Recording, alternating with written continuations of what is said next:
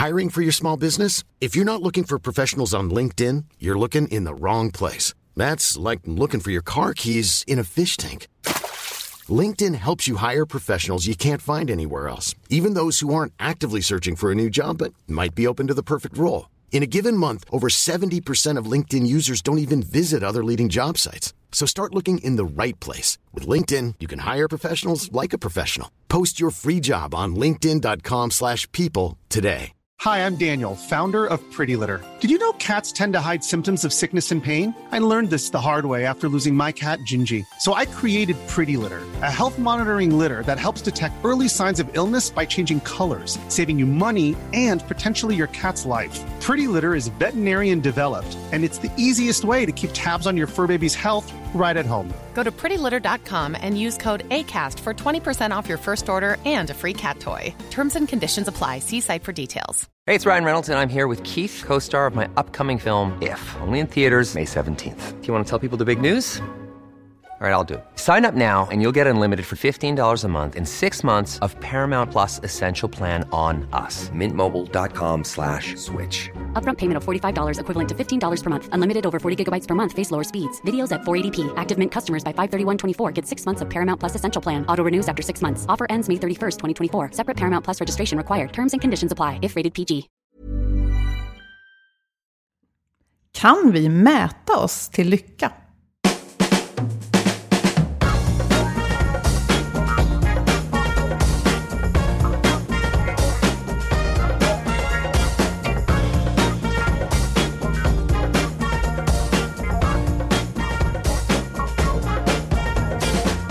Här är Health for Wealth, en podd om hälsa på jobbet.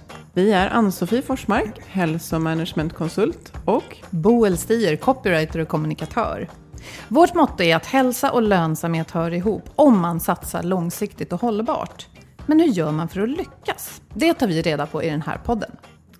Idag ska vi prata om mätbarhetens tidsålder. Det är ett faktum att vi blir mer och mer insnöade på att mäta saker. Och det beror förstås på olika saker. Jag kan känna spontant att det liksom, när man har tappat tillit och eh, får lite panikartat behov av kontroll på massa grejer, då blir det mer och mer mätning. Och sen är mätning jätteviktigt. Men det, jag tror att ansatsen idag är lite att det finns problem med det här, eller hur? Jag vet inte om så många pratar om problemen. Jag vill gärna göra det, men jag tycker att jag noterar att vi mäter mer och mer. Att det tar mer och mer av vår tid. Vi bär saker på kroppen för att mäta puls och, och hur många steg vi tar. Och kalendrar har vi haft länge, men det har aldrig varit så många block som ska fyllas exakt med vissa saker vi ska göra. Och ja, nej men det här också att vi rankar vad som är viktigt i våra liv. Det har blivit ett recensionssamhälle. Till och med barnprogrammen handlar om att tävla och recensera. Och, ja, och så ska vi gärna sätta mål. Helst mätbara då förstås. Och jag får gärna den här, eller gärna, jag får lätt den här känslan av att eftersom det finns så mycket som vi kan mäta så betraktas vi nästan som vårdslösa om vi inte mäter. Men frågan är då, vad är det vi inte gör när vi mäter så mycket? Mm, men det finns ju, jag kommer inte ihåg vem det är som säger, men det som mäts, det blir gjort. Ja, absolut. Och sen så säger vi ju alltid ofta att det här som vi verkligen, verkligen betyder någonting, det går inte att mäta i pengar Nej, eller men tid. precis. Så, så att vi, vi talar ju lite emot varandra. För då, det finns ju viktiga saker då som också sker på arbetsplatsen som vi inte kan.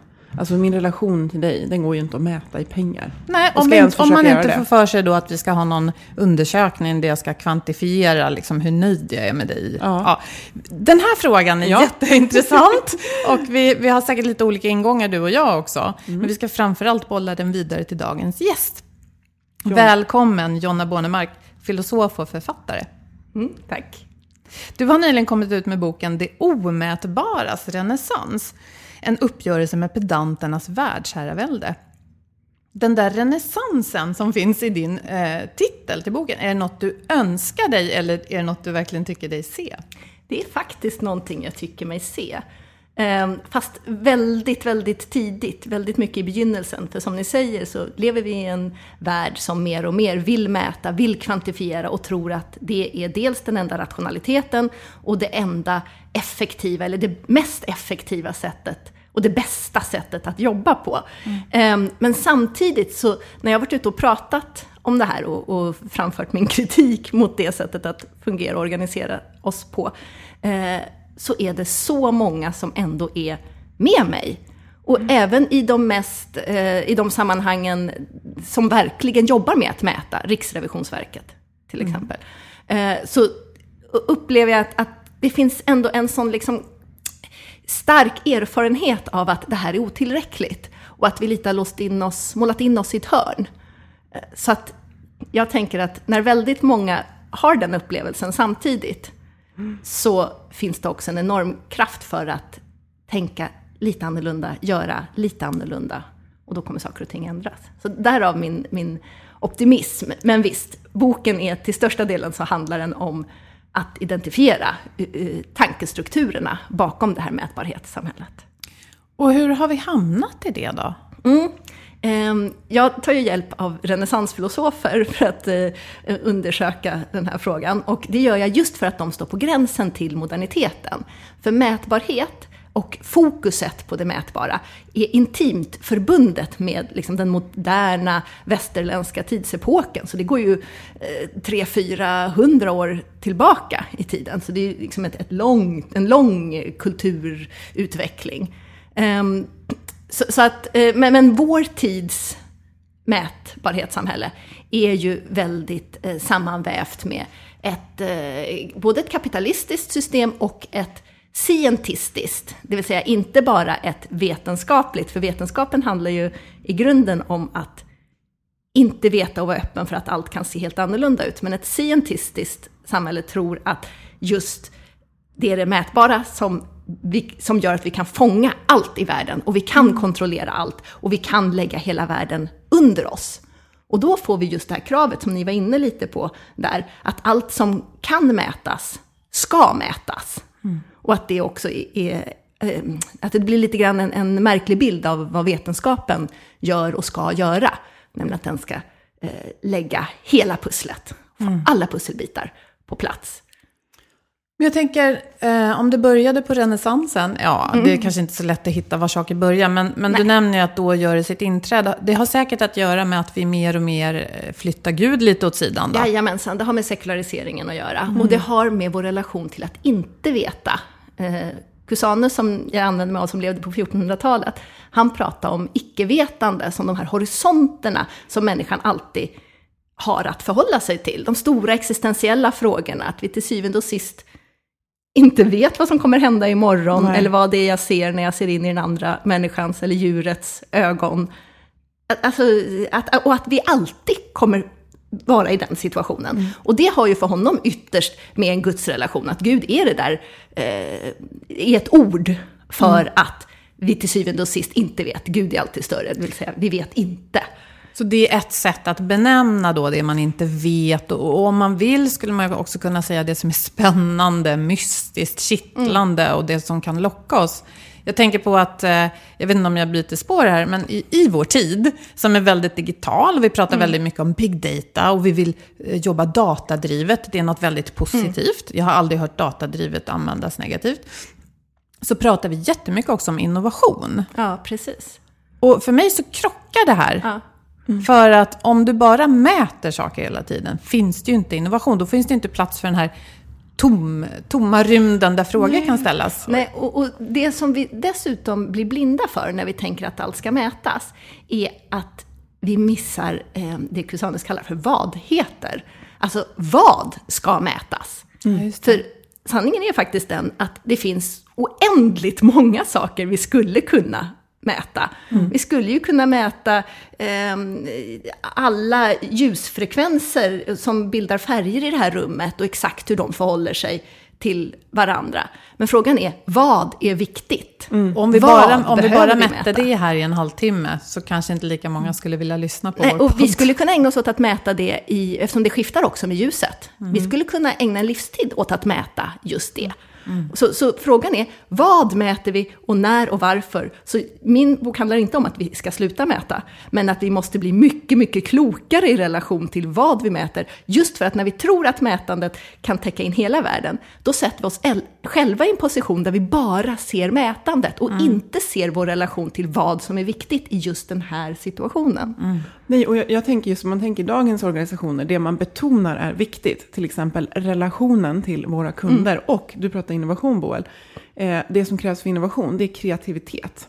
Mig veterligen så går det inte att kvantifiera parametrar som ska finnas på plats som säger att ja, nu vet vi att vi är kreativa när ja, solen står så här eller ljuset är så här i rummet. Utan de kvaliteterna vi värderar går inte mig veterligen att, att, att mäta exakt. Så att vi går liksom lite emot. Och plus det här basala, att vi vet ju inte vad som händer efter döden och vi vet inte var universum tar slut. Det är ganska grundläggande och i det här springer vi runt och mäter och mäter och mäter och mäter. Och, och, och det drivs av någon sorts nästan krampmässigt försök till kontroll.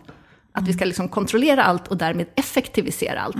Och så missar vi, alltså jag har, i den här boken så skriver jag rätt mycket om undersköterskor, om eh, lärare, förskollärare, alltså eh, yrken där relationen till en annan människa är den centrala, är den lärande, den vårdande och så vidare. Ehm, och hur de yrkesgrupperna eh, just är de som i New Public Management-systemet eh, allra tydligast eh, måste in i olika typer av papp. Alltså jag pratar om förpappring. I, alltså att kvaliteten sker i papperna, att allt ska dokumenteras, allt ska kvantifieras. Vilket gör att de lägger mindre och mindre tid och energi på att eh, det som inte låter sig mäta, som ni var inne på där i början, på att bygga en relation, på eh, att utveckla empati, omdöme, vilket egentligen är det mest centrala för att de ska kunna genomföra sina yrken. Och det här vet eh, personalen. Alltså kärnverksamhetens personal är fullt medvetna om att Så eh, de slits isär. de slits isär. Och det absurda har blivit att kloka chefer ibland håller det vi nu kallar för kvalitetsarbete borta ifrån personalen. För eftersom kvalitetsarbetet har blivit att hålla pappersvärlden i ordning. För att pappersvärlden suger all energi ifrån personalen. Och vad händer då med kvalitetsarbetet? För då, har vi just, då, då ger vi dem just inte verktyg till att prata om hur man hanterar svåra situationer och just utvecklar till exempel ett gott omdöme. Men kom ofta tillbaka till, vi nämnde det innan också, kom tillbaka till eh, förskolan. Och just att eh, all dokumentation om hur barnen har, och jag fick höra ett, eh, från en kompis, ett litet skräckexempel, där någon bad om att få liksom en personlig återkoppling på ett barn varje vecka. För att tyckte att veckobrevet kanske var lite generellt. Och då tänkte jag så här, vad är det som har gått miste om här? Jo men det är ju för första min tillit till att eh, personalen på förskolan, som är liksom fantastiskt utbildad, engagerade, eh, att jag litar på deras jobb, så att jag behöver inte liksom kontrollera det. Men också att eh, om jag som förälder är mer lyhörd vid hämtning och lämning och lägger lite mer tid på det. så Ställer behöver några inte jag, frågor. Ställer lite frågor. Behöver inte jag ha det här skriftliga. Så det är ofta av, ju mer stressade vi känner oss, desto mer kontroll vill vi ha. Den är lättare att kvantifiera genom att mäta. Och det här får ju effekt både på individ, grupp, organisation, samhälle såklart. Och jag tänkte på ditt eh, fantastiska sommarprat från 2017 som jag varmt vill rekommendera. Eh, så pratade du om ja, men just det som hände på 90-talet, just eh, någonting, dokumentation om patienter var en halv sida. Ja, och sen blev det, vad var det, 2003? Ja, fortsätt. Ja. Jag, kommer inte, jag har inte de siffrorna i Nej, huvudet nej, exakt. just här. Men ehm, det finns en hel del forskning på hur administrationssamhället är en, titeln på en väldigt bra bok, eh, som har alla de här eh, siffrorna och som visar hur eh, förpappringen har exploderat. Och det intressanta med den förpappringen dessutom är att den verkligen, alltså att den explicit går ut över kärnverksamheten, alltså till exempel förskollärarnas relation till barnen. För att ehm, när, dels så har vi blivit av med eh, de lågbetalda administratörerna som eh, rationaliseras bort för man tänker att datorerna gör deras jobb. Och, men samtidigt så har eh, visar den här boken, eh, gruppen med administratörer växt och gruppen med kärnpersonal minskat. Och de administratörer som har kommit till är olika typer av chefer som ger administration till kärnpersonalen. Så inte bara att kärnpersonalen procentuellt sett har blivit färre, utan också att deras eh, yrkesliv handlar mer och mer om att fylla i olika typer av papper. Så själva kärnverksamhetens eh, område pressas ifrån liksom alla håll. Och jag har ett annat exempel på, från just förskolan som jag tycker är väldigt talande, som också visar hur vi fjärrstyrs, eller hur personalen fjärrstyrs, när man ger för mycket, eller när pappersvärlden blir den viktiga och den dominerande. Och som bygger på det här lilla ordet säkerställa, som är ett ord som jag tycker är ett av Sveriges fulaste, svenska språkets fulaste ord. Just för att det bygger på den här liksom kontroll och effektivitets... Det säger sig att det är gång nummer två. Det ligger i ordet, att det är inte den första gången man är tydlig. Nej, och dessutom just att man ska säkerställa. Eh, lå- Låt mig ta exemplet här. För att ehm, på en förskola eh, så fick de order från kommunen att de skulle säkerställa att alla barn fick en lässtund varje dag. Det är ju ett jättevällovligt syfte. Det är klart barnen ska ha en lässtund. Men då var de tvungna att börja eh, skriva upp vilka barn som var med på vilken lässtund. Och där var, var det här barnet bara med halva lässtunden. Hur gör jag då? Så det blev liksom en pappersmekanism runt det här säkerställandet. För om jag inte dokumenterar och skriver upp i staplar att alla barn har fått med, då har jag inte säkerställt.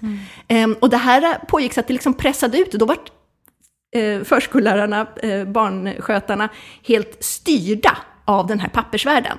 Av att ha kontroll över att alla barn fick en eh, lässtund. Så de glömde bort att sjunga. De slutade sjunga, för de hann inte med det.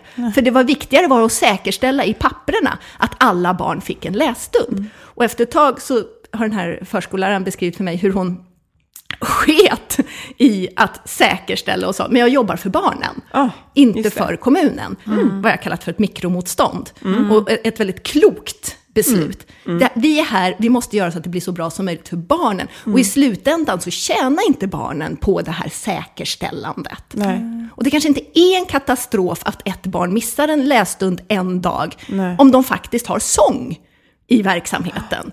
Alltså vad kostar, och här kan vi se hur personalen blir fjärrstyrd av kommandon som kommer någon annanstans ifrån. Så att de inte kan använda sitt omdöme och sin situationsnärvaro i sitt jobb. Ha, få tillit att driva verksamheten. Och få Precis. tillit gör också att man eh, växer och Ja. vill göra, alltså man känner att man har förtroende så vill man oftast göra mer. Om man känner sig styrd så påverkar det också såklart till slut viljan att göra, Ja. Ja, Och då tar de också ansvar. Ja, alltså man precis. Mm. tar inte, för, för det som också blir problemet i de här systemen är att man skriver sig fri. Men jag följde manualerna. Mm. Och det här, inom sjukvården. Eh. Rädslostyrda... Precis. Nu, jag, jag, jag, har, jag, jag gjorde som det stod i manualen, alltså kan ingen kritisera mig, jag har ryggen fri. Men jag kanske inte gjorde ett gott jobb, för det var inte fokus på. Och då tränar man inte den då muskeln som är att ha omdöme och ja. Nej. Och, och vara en klok, omdömesgill, ansvarstagande subjektivitet. För det är också subjektiviteten vi försöker friskriva oss ifrån. När vi tänker att allt ska vara evidensbaserade metoder som vi skriver manualer utifrån som personalen bara genomför. Då bygger vi på en typ av liksom objektivitet. Och vi tänker att objektivitet betyder eh, sant eller rätt. bra. Bra. Medan subjektivitet är tyckande, godtycklighet. Och i den skarpa tudelningen så missar vi så mycket. För vi, på ett sätt försöker vi friskriva oss från att vara människor. Ja, då blir vi robotar. Och då är det ju inte så underligt att det blir väldigt inne med mindfulness. Nej, eller hur? För alla vill bara ha den här närvaron som man aldrig har tid med. Ja, det är skrämmande. Och vi, jag tänker att här kanske vi alla behöver fundera på hur vi ställer krav, och, jag menar på politiker eller när man slår varandra i huvudet mellan olika politiska läger om vilka förskolor som är bäst. Eller när man är föräldrar då som diskuterar, ja, men var ska jag liksom, sätta mitt barn i förskolan, var är det bäst? Man kanske bara ska prata med de som redan är där. Eller? Och, och- här finns det ju ett eh, dilemma som alla småbarnsföräldrar stöter på. Just om det överhuvudtaget är möjligt att välja förskola. För oftast är de ju så, man får vara glad om man får en plats. För att det är överladdat på många eh, platser och dessutom eh, allt för stora barngrupper. Ehm, men om man nu ändå har utrymme att, att välja så finns det ju en massa kvantifierade eh, siffror i, i systemen oftast. Man kan gå in på kommunen och titta på olika saker. Och jag undrar ibland verkligen vad de där säger. De är... jag, jag, jag, ärligt talat så litar jag inte ens riktigt på eh, personal per barn. För, alltså, som man kunde tycka är så här, men det där måste ju vara tydligt. Mm. För att det glider, och, och det beror lite grann på hur man räknar. Och det förändrar sig och det är... Ja, jag, känner, jag litar inte riktigt på de där siffrorna. Och framförallt så litar jag inte på dem som ett underlag för var får mitt barn det bäst? För det kan jag inte veta. Ja, nej men jag tänker det att det är lätt att vi tror då, som du säger, att vi har kontroll när det finns en siffra som är jämförbar mellan alla Stockholms eller Sveriges förskolor och så missar vi något annat som vi borde fråga oss Ja. istället. Och istället för, att, för att faktiskt också lita på sitt eget omdöme, att gå och besöka förskolan, prata lite med de föräldrar som råkar vara där, den personal som råkar vara där, hur är stämningen, hur, hur, hur mår jag då, bra då blir det själv när jag kommer här, dit? när jag har då den digitala möjligheten att jämföra alla Sveriges förskolor, alla Mm. världens för den delen. Varför skulle jag då nöja mig med att bara gå och besöka en enda förskola i närheten? Eller hur? Det blir det här att vi måste ju mäta. Men sen är det också att de där bygger ju också på subjektiva bedömningar. De är ju ackumulerade subjektiva bedömningar av alla de föräldrarna. Någon kanske var på ett fruktansvärt dåligt humör också när de fyllde. Nu ska jag gå och fylla i den här enkäten. Och det är ju så mycket mätning som just är det. Jag tänker alla medarbetarundersökningar. Allting som är ett tyckande, det bygger ju på ackumulerade subjektiva bedömningar. Medan vi säger så här, vi är fyra personer i det här rummet just nu med Agnete. Eh, det är väldigt, liksom, ja, alltså det, det är så här, ja, men det är svårt att tjafsa alla, vi med. hör alla Just det. olika saker Ja. i den här diskussionen. Precis, och jag har Ja. en, en, eh, diskussion om precis det. För ibland så blir det så här, ja, men jaha, då finns det ingen sanning, eller då finns det ingen... Men, och det är verkligen inte grejen, för precis som du säger, att när vi är överens om begreppen, vi är överens om vad en människa är, och vi är överens om vad det här rummet är för någonting, då, då jo, men det är faktiskt sant att vi är fyra stycken eh, människor i det här rummet. Och att säga att vi är tre vore en lögn. Så det finns sant och falskt. Men sen finns det så många begrepp som inte låter sig kvantifieras på ett enkelt sätt. Är det här ett bra samtal?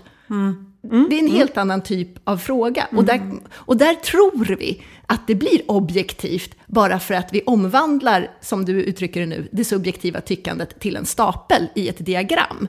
Har vi kvantifierat det, så, så då är det plötsligt en objektiv sanning istället för Ja, och så har vi kommit undan det där subjektiva tyckandet. Istället för att utveckla och förstå subjektiviteten på ett klokare sätt.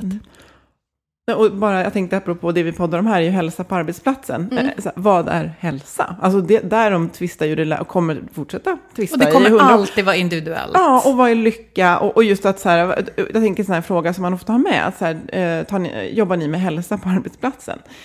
Och då kan det ju, ja, det finns ju liksom lika många svar som medarbetare på det också. Så att, Mm. Och kanske ja. ska vara det Ska också. vara det, vi kanske precis. inte ska ha Mm. ett och samma svar så att all, alla kan mäta exakt vem som jobbar på bäst sätt. För det kanske är olika behov på olika platser. Oh ja. Så att den där situationsnärvaron, kan vi, ska vi jobba med kvalitet och ska vi jobba med något sånt som hälsa, så kan vi aldrig släppa situationsnärvaron. Och, och just det här, och för vi tror att om vi kan fly upp i de här generella, abstrakta rymderna, då har vi liksom ryggen fri återigen och, och, och gjort oss säkra. Det där är något som vi har iakttagit nu. Nu har vi poddat om hälsa på jobbet i två och ett halvt år. Och det började ju med att vi hade samtal om varför blir människor sjuka av hälsostressen i Just det. sig. Ja. Men också att det här, det vi gör på jobbet är Ja, men det, det, det är bra utgångspunkt att prata om ohälsa, för det är ofta kopplat till jobbet, att vi blir stressade och så. Och vad jag ska komma nu? Jo, men i och med att medvetenheten om den här sjukan i samhället är ju ganska stor, det är bara att svaren är färre än frågorna. Och det jag tycker jag ser runt omkring mig, det är ju, ja men dels som vi har pratat om, det är mycket stressföreläsningar som någonstans går ut på att individen själv ska ta hand om problemet, vilket ju är korkat. Men sen också att det kommer väldigt många, på marknaden, många lösningar. Eh, eller saker och ting, tjänster och verktyg som vill vara lösningar på problemet. Som handlar just om att mäta. Som riktar sig till chefer och organisationer. Kolla här, här är en eh, app, här är en, ett digitalt verktyg. Om alla bara loggar in här och liksom antingen att man ska gå runt med någon slags mätare som känner av hur man mår eller att man ska uppge det i något dokument hela tiden. Ja, men då är man ju liksom nästan hemma. Och frågan är då, ska man ha en grej till? Så, ja. Och det intressanta här är ju, eh, vem är det som behöver det här. För vem görs det? Blir, blir kärnpersonalens hälsa bättre om de fyller i ett dokument med hur de mår eller inte? Eller är det chefens eh, behov av att ha kontroll? Och eh, det är samma sak som när det gäller New Public Management-systemen. Eh, och granskning, att skilja granskningssystemen från kvalitetsarbetet som måste ha med det situationsunika att göra. Eh, vi måste både eh, separera dem och kunna... Åh, nu tappade jag. Vad var, vad, vad var det? Du hade en annan. Nej, men just det här att vi ska mäta oss till hälsa för att chefen Just det, ska ha kontroll som du precis, då plockade upp. Precis, ja, men det var det, precis dit jag var på väg. Att, om man tänker, gör det här verksamheten bättre? Det. Alltså, det, det är en sån självklar fråga. Men så mycket av mätandet eh, måste man ha ganska långt resonemang för varför det gör kärnverksamheten bättre. För det är klart man tycker att det på något sätt gör det i slutändan. Men jag tror att vi måste korta den stegen. Om inte det här direkt, eller i att bara i ett steg gör kärnverksamheten bättre och gör livet för personalen som utför kärnverksamheten, eh, gör deras liv bättre då är det kanske något som ska strykas. Då är det kanske någonting som tar energi och inte ger energi. Ja, för att jag menar, får man in de här siffrorna så visst, jag kan förstå att man ser trender då. Nu är det många som ja, mår dåligt på ett eller annat sätt. Nu är det många som är missnöjda. Men då uppstår ju ändå frågan, jaha, vad gör vi åt det? Och för att eh, kunna besvara den måste man ju prata med folk igen. Och dessutom blir de ofta så generella. Eh, På m- där, min arbetsplats på Södertörns högskola så gjorde man precis en enkät med alla doktorander. Och där blev svaren så generella, och det fanns en del liksom orosmoln i de där svaren, men det blev så generellt så att vi kunde inte göra någonting i slutändan för att göra det bättre. För det blir så här, ja men, ja, ni förstår, det blir liksom helt tom information som säger någonting i de här siffrorna, men vem och vad och vad var problemet? Det har vi fortfarande absolut ingen aning om. Och vad, vad kommer det ifrån? Vad hänger det ihop Ja, med? Så, och där måste vi ju ha kloka eh, mellanchefer, alltså de som är närmast personalen. Och jag tror att vi har gått fel på så många arbetsplatser när vi tänker att kärnpersonalen är ofta den som står lägst i rang. Tänk inom eh, ett vårdföretag. de som utför de som jobbet. utför, ja, undersköterskorna som är ute hos de gamla eh, står lägst i rang. Chefer, administration står över och sätter olika krav på den här personen. Eh, och istället borde ju allting stödja kärnpersonalens... Alltså det finns Ja. någon sorts klassperspektiv Ja, i det också. Ja. Av att va, var, vi, vi som chefer, vi som administration, finns bara till för att kärnpersonalen ska kunna göra ett så bra jobb som möjligt. Och gör de ett bättre jobb om vi jobbar stenhårt på granskning, eller hela tiden, på att misstänkliggöra dem hela tiden. Hur ska vi göra för att de ska kunna göra ett så bra jobb som möjligt? Men jag, Ja, nej, jag, jag, brukar också, jag är ju helt med i det här. Det är liksom, allt annat är ju ett stödfunktion. Någon Ja. som är liksom, ute, det som man ofta säger nere. Just det. Eh, Allt annat bara, eh, bara stöttar. Och jag tänker också det där att det, jag möter ju så många som, det finns så mycket eh, digitala lösningar med pulserande hur personalen mår. Och sen just det här att eh, innan man slänger ut det så måste det finnas, vem tar emot det, vad ska vi göra med informationen? Har vi ställt frågor som ger svar som vi kan agera på? Som det du beskrev, oj, vi ser någonting men vi ser inte vad, så det blir nästan svårare. Och den som har svarat är så här, hörni, jag berättade att jag inte mådde bra här för en varför månad sedan. Var, det, det händer ingenting. Det är nästan värre. Bäst att typ inte fråga. Ja, fortsätt. Jo, jag tänkte på, nej men precis den bilden du målade upp där, jag tycker att den pratar vi väl ändå en del om när det gäller lärare. För nu, ja men skolan har ju till exempel varit en fråga man diskuterar inför valet och då vill ju plötsligt alla göra det väldigt bra för lärarna. Och då vill jag tro att kanske det här att, att eh, öka löner kan ju förstås vara bra. Men det är ju inte allt, för att till exempel om man ska administrera väldigt mycket, då kanske det behövs fler människor som kanske bara administrerar. Ja.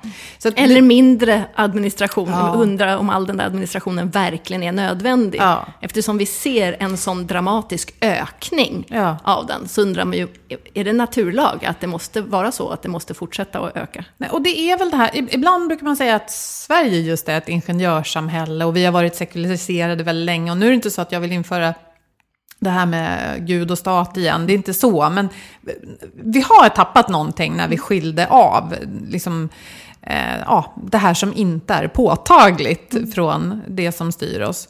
bra nog, men vi behöver hämta tillbaka det på något sätt. Och nu tappade jag var jag var på väg. Men jo, jag tänkte på arbetsplatsen, för att det är ju, vi pratar om hälsa på jobbet, och det som pressar oss är ju just det här att vi som du beskriver i ditt sommarprogram också, det kommer yttre krav som får styra då. Så att man sätter sig och spelar Fia med knuff med mm. ett gäng äldre där man egentligen hade velat ha individuella samtal för att man ska kunna bocka i en ruta. Det är det jag kallar fjärrstyrning ja, av personalen. Och då liksom en brist på tillit. Så jag tänker så här, som medarbetare, kanske lite mikromotstånd ja, som du beskrev, inte är helt fel. Mm. Men i den här podden vi vill, ju, vill vi ju gärna lyfta ansvaret bort från individen, för det är också något som gör oss sjuka.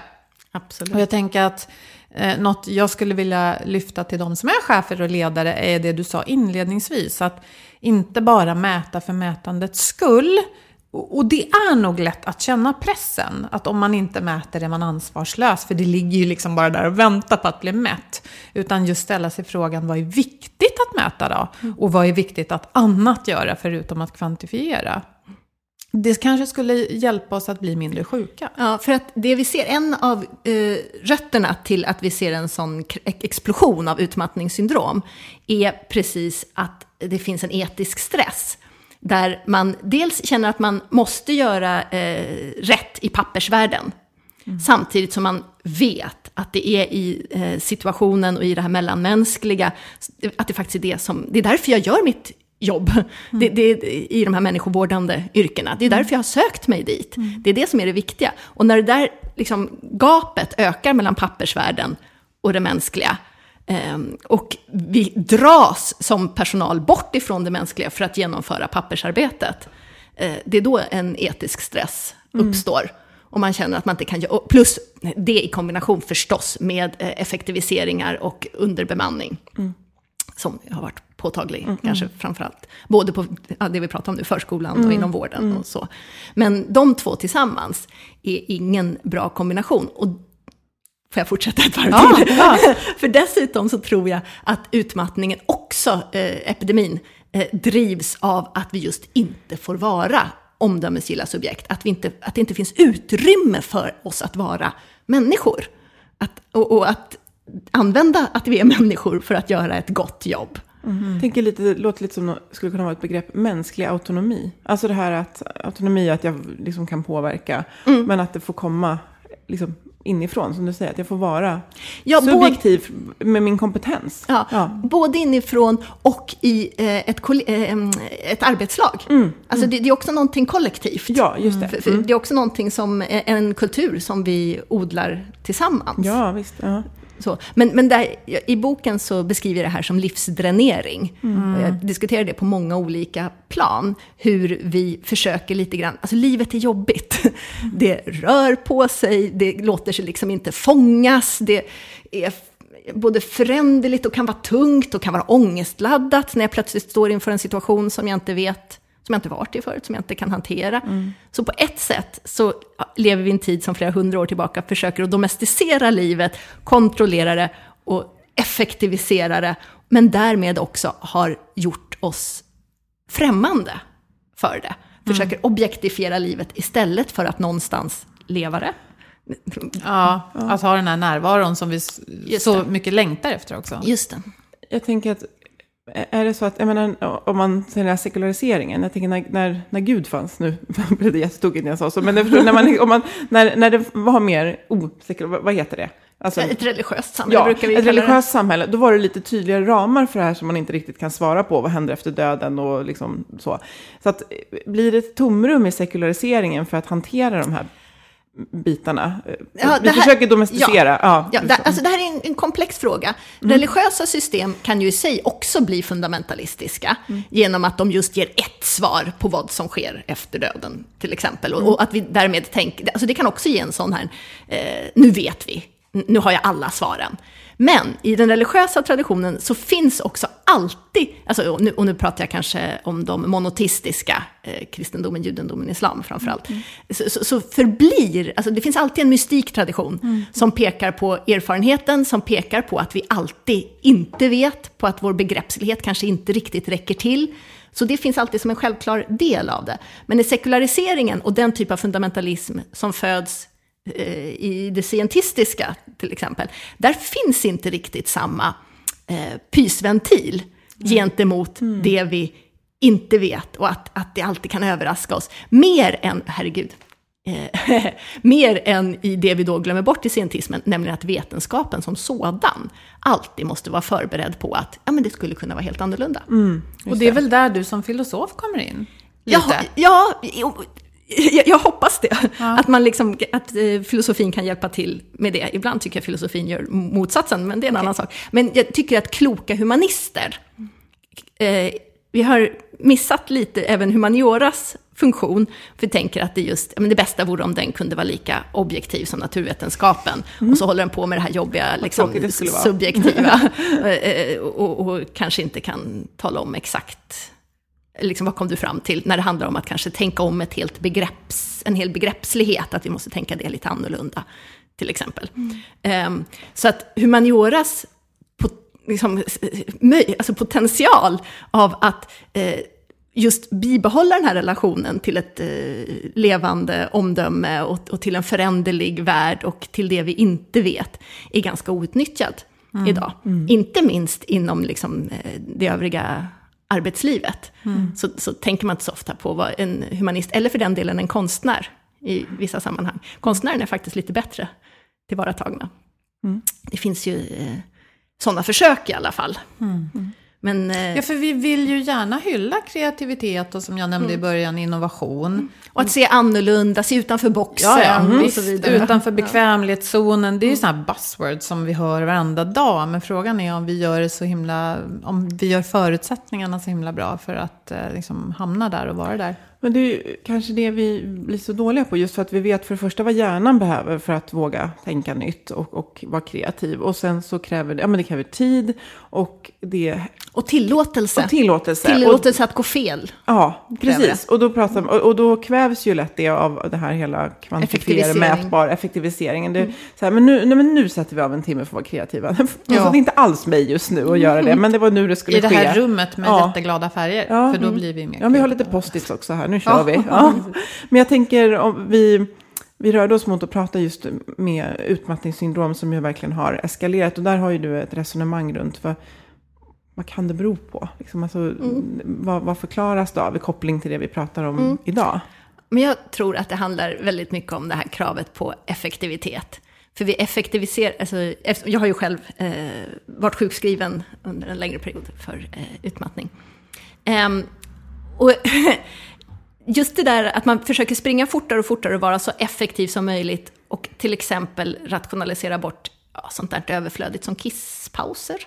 Gå på toaletten verkar ju liksom... Hur ja, bra, det kan man, göra. hur bra kan man må Det- det om kan man jag inte göra får gå sen. på toa? Ja, eh, precis. Men jag var rätt bra på att eh, gå på toa sen. Eller senare, jag ska bara göra färdigt de här sakerna först. Och då har det ju gått ganska långt och blir en ganska direkt kroppslig... På, jag fick inga problem med...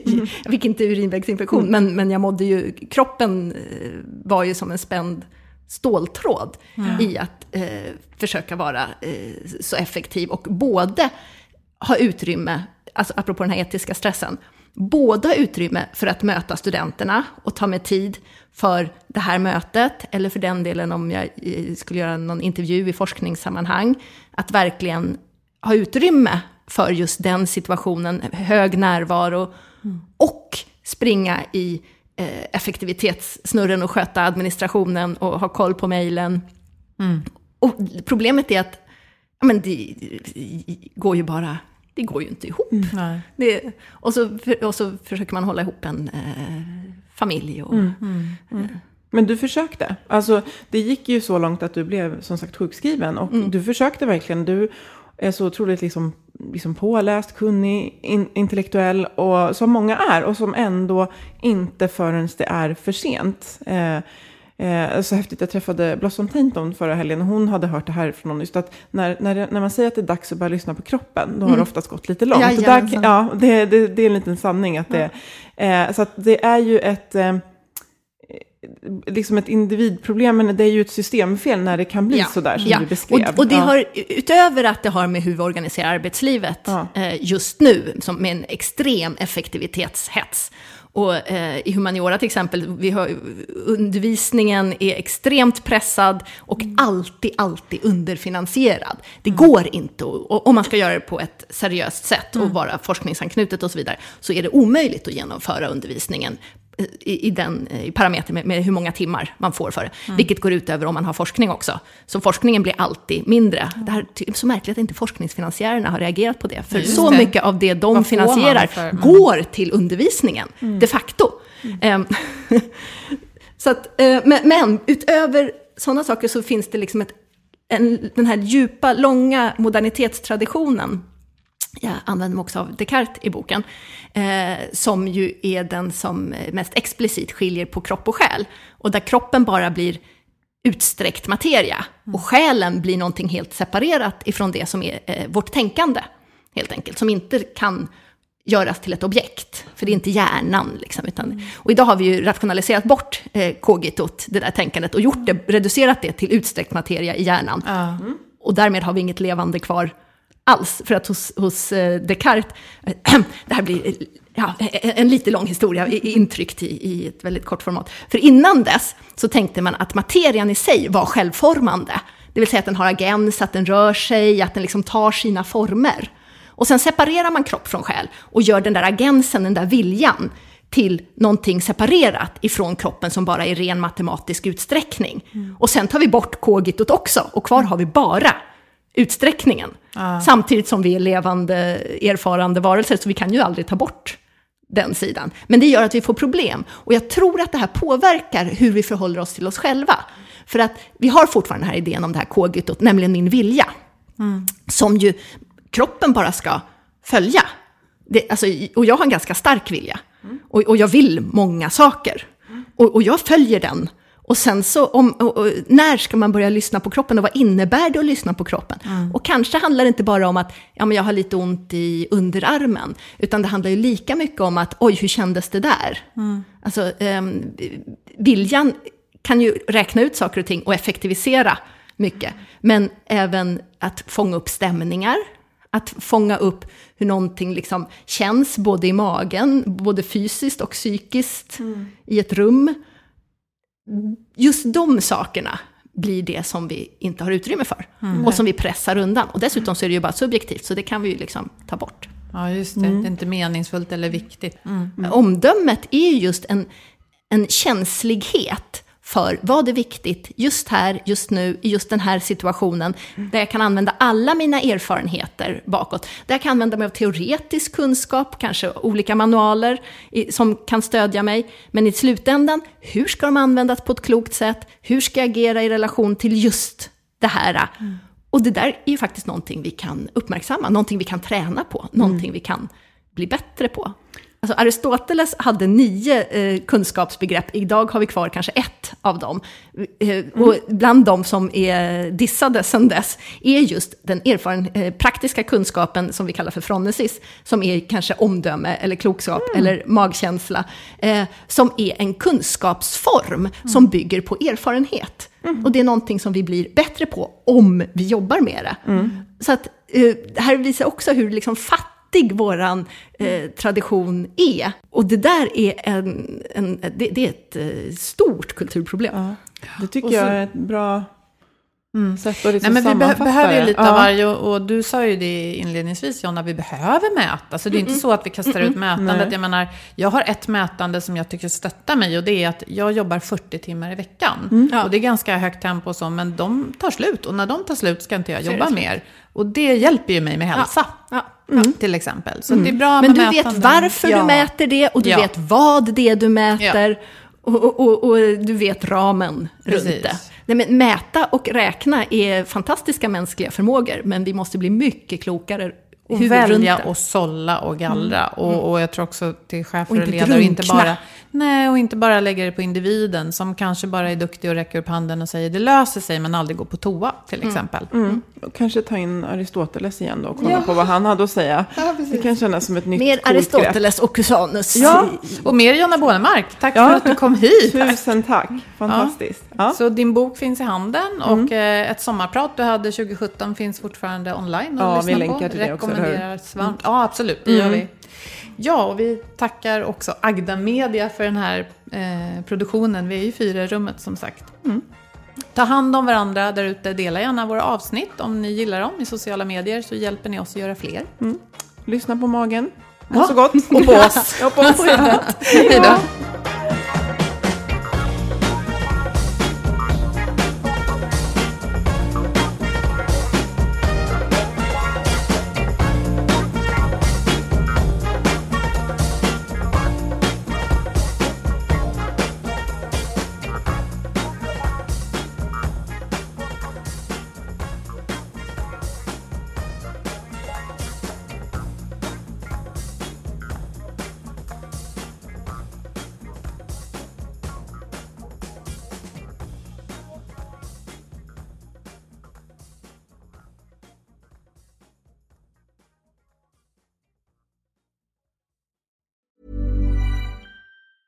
Mom deserves the best, and there's no better place to shop for Mother's Day than Whole Foods Market. They're your destination for unbeatable savings, from premium gifts to show-stopping flowers and irresistible desserts. Start by saving 33% with Prime on all body care and candles. Then get a 15-stem bunch of tulips for just $9.99 each with Prime. Round out Mom's menu with festive rosé, irresistible berry chantilly cake, and more special treats. Come celebrate Mother's Day at Whole Foods Market. Ever catch yourself eating the same flavorless dinner three days in a row?